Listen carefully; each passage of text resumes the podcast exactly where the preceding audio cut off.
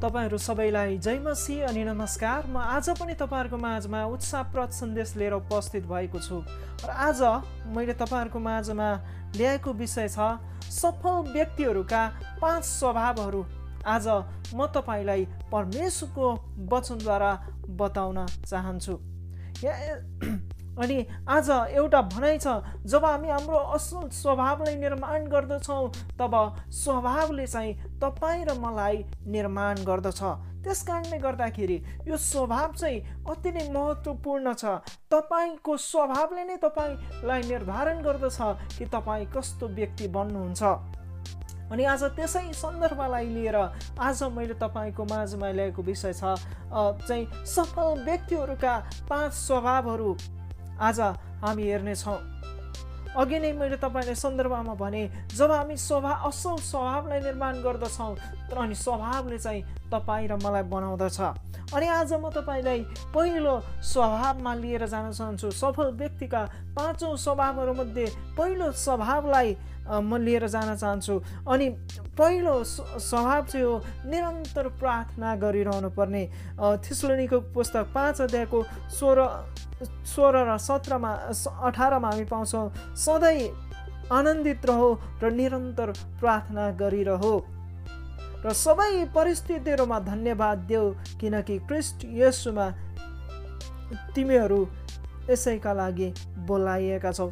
अनि यहाँ जब हामी देख्दछौँ हामीले दैनिक रूपमा प्रार्थना गर्नुपर्ने कुराहरू दैनिक रूपमा आज हामीले परमेश्वरसित जब तपाईँ बिहान बिउजिनुहुन्छ तब प्रभुलाई धन्यवाद दिनुहोस्। प्रभु तपाईँले मलाई रातभरि सम्हाल्नुभयो तपाईँको सुरक्षा दिनुभयो। अब म बिहान काम गर्न गइरहेको छु अथवा जुनै पनि काम तपाईँ गर्नुहुन्छ अनि त्यसरी तपाईँ प्रार्थना गर्नुहोस् र आफ्नो दैनिक जीवनलाई सुरुवात गर्नुहोस्। आफूले गर्नुपर्ने कामलाई तपाईँले सुरुवात गर्नुहोस्।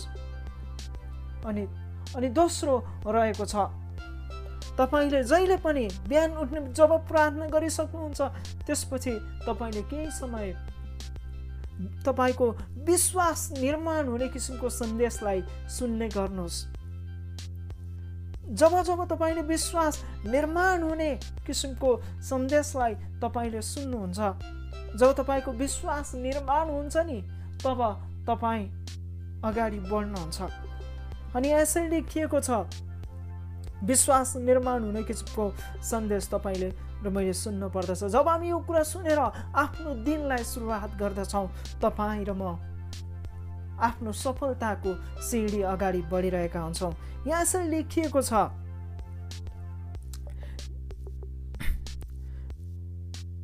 जे सुनिन्छ त्यो परमेश्वरको वचनबाट आउँछ र जे सु सुनिन्छ त्यो परमेश्वरको प्रचारबाट आउँछ। अनि यहाँबाट हामी देख्दछौँ आज हामीले चाहिँ परमेश्वरको वचनलाई सुन्नु पर्दछ आज जब हामी त्यो कुरालाई सुन्दछौँ तपाईँको विश्वास निर्माण हुने कुरा तपाईँले जुन काम गर्न लागिरहनु भएको छ त्यो काम त्यो सम्भव हुने कुराहरू त्यसको मार्ग निर्देशित कुराहरू जब तपाईँले सुन्नुहुन्छ तपाईँको विश्वासलाई निर्माण गर्ने किसिमको किनभने जे सुनिन्छ त्यसैबाट विश्वास आउँछ। अनि हामीले जुन कुराहरू तपाईँ र मैले सुन्दछौँ त्यसले तपाईँ र मलाई निर्माण गर्दछ। र तपाईँ र मलाई हाम्रो जीवनमा हामी कतापट्टि जाने तपाईँ उन्नतितिर बढ्ने कि असफलतातिर बढ्ने कि तपाईँ असफलतालाई सम्झेर झोक्रेर बस्नुहुन्छ। त्यस कारणले गर्दाखेरि जब पनि तपाईँ कुनै पनि कुरा सुन्नुहुन्छ तपाईँलाई निर्माण गर्ने किसिमको तपाईँको जीवनमा उत्साह थप्ने किसिमको सुन्ने गर्नुहोस्। अनि यो भयो दोस्रो स्वभाव कि आज हामीले चाहिँ विश्वास निर्माण हुने किसिमको सन्देशलाई तपाईँ र मैले प्रत्येक बिहान सुन्नु पर्दछ। अनि दोस्रो चाहिँ तेस्रो चाहिँ तपाईँ र मैले सदैव बिहान पुस्तक पढ्ने बानी बसाल्नु पर्दछ। एउटा सफल व्यक्तिहरूको स्वभावमध्ये पुस्तक पढ्नु पनि एक हो। अनि यहाँ बाइबलमा यसरी लेखिएको छ यसु एक अध्यायको आठ पदमा व्यवस्थाको पुस्तक तेरो ओठबाट नहटोस् तर तैँले त्यसमाथि दिनरात ध्यान गर्नु अनि त्यसमा लेखिएका सबै कुराहरू होसियारी साथ पालन गर्नु र तेरो मार्गमा तैँले र तेरो मा तेरो सबै मार्गमा तैँले उन्नति गर्नेछस् र सफलता पाउनेछस्। अनि आज म तपाईँलाई बताउन चाहन्छु तपाईँ र म सफल बन्न चाहना गर्नको लागि चाहिँ तपाईँ र मैले पुस्तक पढ्ने बानी बसाल्नु पर्दछ। त्यसले गर्दा तपाईँको ज्ञानको भण्डार अझै वृद्धि हुँदै जान्छ। र तपाईँले अझै धेरै नयाँ कुराहरू सिक्दै जानुहुन्छ अरूबाट तपाईँले त्यो कुराहरू जान्दै जानुहुन्छ। अनि जब तपाईँ ती कुराहरूलाई अवलम्बन गर्दै आफूलाई परिस्थिति र समयअनुसार जब तपाईँ आफूलाई अपडेट गर्दै जानुहुनेछ म तपाईँलाई बताउन चाहन्छु तपाईँ निश्चय नै सफलताको कुर्किलोतिर बढ्दै जानुहुनेछ। यहाँ पनि त्यही कुरा भन्दछ। कि हामीले हरेक समयमा चाहिँ हामीले अध्ययन गर्ने बानी हामीले पढ्ने बानी बसाल्नु पर्दछ। अनि जब तपाईँले पढ्नुहुन्छ तपाईँ कुनै पनि प्रोफेसनमा यदि हुनुहुन्छ भने त्यो प्रोफेसनसँग सम्बन्धित विषयलाई तपाईँले पढ्ने बानी बसाल्नुहोस्। यदि तपाईँ विद्यार्थी हुनुहुन्छ भने तपाईँले कसरी राम्रोसँग अध्ययन गर्न सक्नुहुन्छ त्यस विषयलाई लेखिएका अरू पुस्तकहरू पढ्नुहोस् जसले तपाईँले जुन क्षेत्रलाई छान्नु भएको छ त्यो अनुसार तपाईँले आफ्नो कार्यलाई अगाडि बढाउन सक्नुहुन्छ। अनि चारौँ चाहिँ म तपाईँले चौथो स्वभावको बारेमा बताउन चाहन्छु। अनि चौथो स्वभाव चाहिँ हो आज तपाईँ र मैले जुन पनि लक्ष्यलाई राखेका छौँ त्यो लक्ष्यलाई तपाईँ र मैले घरिघरि हेरिरहनु पर्दछ। त्यो कुरालाई घरिघरि हामीले विचार गरिरहनु पर्दछ। कतिचोटि हाम्रो स्वभाव के हुन्छ भने हामीले लक्ष्य त बनाएका हुन्छौँ तर त्यो लक्ष्यलाई हामी यादै गर्दैनौँ। एउटा कुनामा थन्काए जस्तै एउटा घरमा कुनै पनि वस्तु छ तर त्यसलाई हामीले चाहिँ एउटा कुनामा मात्रै थन्काइराख्यौँ भनेदेखि त्यो कहिले पनि उपयोगी बन्न सक्दैन। तर त्यसलाई प्रयोग गऱ्यौँ भने तपाईँ र मेरो जीवन पनि सहज बन्न सक्छ। त्यसै गरेर म तपाईँलाई यहाँबाट बताउन चाहन्छु जहिले पनि तपाईँ र मैले आफ्नो लक्ष्य आफ्नो सपना आफ्नो कामलाई जहिले पनि समीक्षा अथवा रिभ्यू गर्नुपर्दछ। जसरी हामी देख्छौँ यो सेपले पनि उनको जीवनमा जब जब उनले सपना र दर्शनलाई देख्दथे उनले आफ्ना दाजुभाइहरूलाई त्यो घरिघरि बताउँथे। घरिघरि सुनाउँथे मैले यो कुरा देखेँ। अनि त्यसै गरेर प्रियहरू तपाईँको अनि तपाईँले पाउनुहुन्छ यो सेप पछि गएर उनी मिश्र देशको प्रधानमन्त्री बने। कारण उनको स्वभाव थियो उनले जुन कुरा देख्दथे त्यो कुरालाई हरेकपल्ट उनले रिभ्यू गरिरहन्थे। उनले त्यो कुरालाई त्यो सपनालाई उनको त्यो दर्शनलाई उनको उद्देश्यलाई उनले जहिले पनि त्यो कुरालाई ध्यान दिइराख्दथे। अनि आज म तपाईँलाई बताउन चाहन्छु जुन लक्ष्य तपाईँले राख्नु भएको छ त्यो लक्ष्यमा जहिले पनि तपाईँले आफ्नो ध्यानलाई केन्द्रित गरिराख्नुहोस्। आफ्नो ध्यानलाई त्यतातिर लगाइराख्नुहोस्। अनि मात्रै तपाईँ र म सफल बन्न सक्छ। अनि यसरी लेखिएको छ हेतुपदेशको पुस्तकमा। सोह्रको तेह्रमा तैँले गर्ने जेसुकै कुरा पनि परम प्रभुलाई सुम्पिदे र तेरा योजनाहरू सफल हुनेछन्। अनि मैले तपाईँलाई सुरुमा पनि भनेको थिएँ कि हामीले परमेश्वरसित प्रार्थना गर्ने बानी बसाल्नु पर्दछ। अनि अन्तिम पनि म तपाईँलाई बताउन चाहन्छु हामीले सबै हाम्रो योजनालाई परमेश्वरतिर हामीले राख्नु पर्दछ। प्रभु म यो कुरा गर्न गइरहेको छु। मलाई त्यसको लागि शक्ति र सामर्थ समझ तपाईँले दिनुहोस् भनेर जब हामी प्रार्थना गर्दछौँ अनि प्रभुले तपाईँ मलाई दिनुहुन्छ। कारण उहाँ भन्नुहुन्छ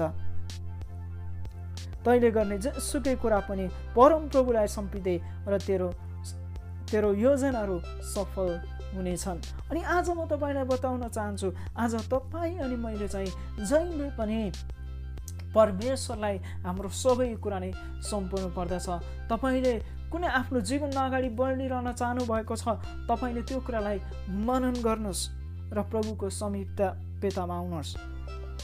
अनि पाँचौँ कुरा म तपाईँलाई बताउन चाहन्छु तपाईँले दैनिक रूपमा बयान गर्नुहोस् एक्सर्साइज गर्नुहोस् आफ्नो शरीरलाई स्वस्थ राख्नुहोस्।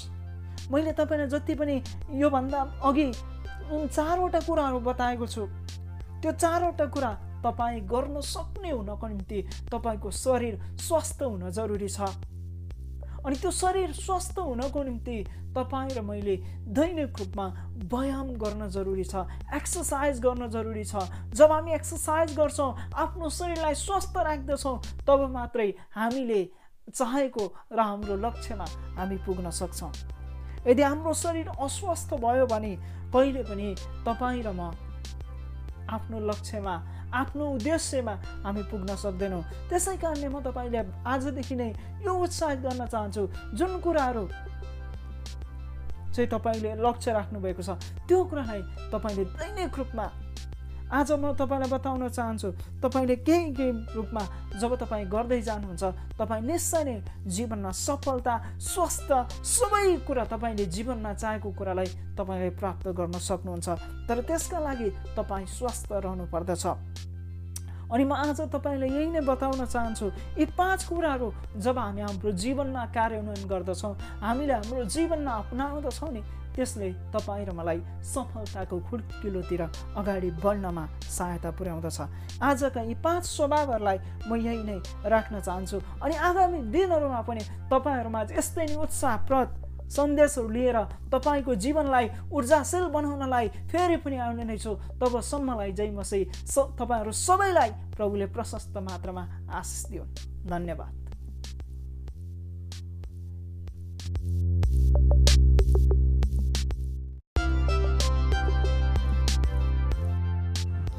तपाईँहरू सबैलाई जय मसी म आज पनि तपाईँहरूको माझमा प्रभुको वचनलाई लिएर आएको छु।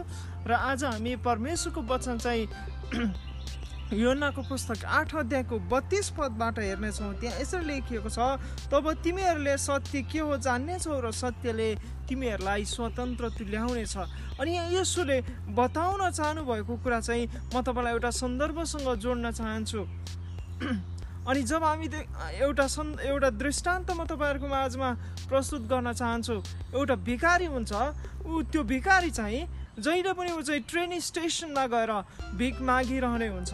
अनि भिख मागेर नै उसले आफ्नो जीविका चलाउने हुन्छ। अनि उसले एक दिन जान्छ ऊ भिका भिख माग्नको लागि जान्छ अनि त्यत्तिकैमा उसले एउटा एकदमै टाइट सुट लगाएको एकदमै स्ट्यान्डर्ड व्यक्तिलाई उसले देख्दछ। अनि जब उसले देख्छ अनि उसले अपेक्षा गर्छ कि मैले यो व्यक्तिबाट धेरै भिख पाउनेछु किनभने यो चाहिँ एकदमै टाइट सुट लगाएर ठाटिएको छ भनेर उसले सोच्दछ। अनि नभन्दै ऊ त्यो व्यक्ति कहाँ जान्छ र उसले माग्छ अनि त्यो व्यक्ति चाहिँ व्यापारी हुन्छ।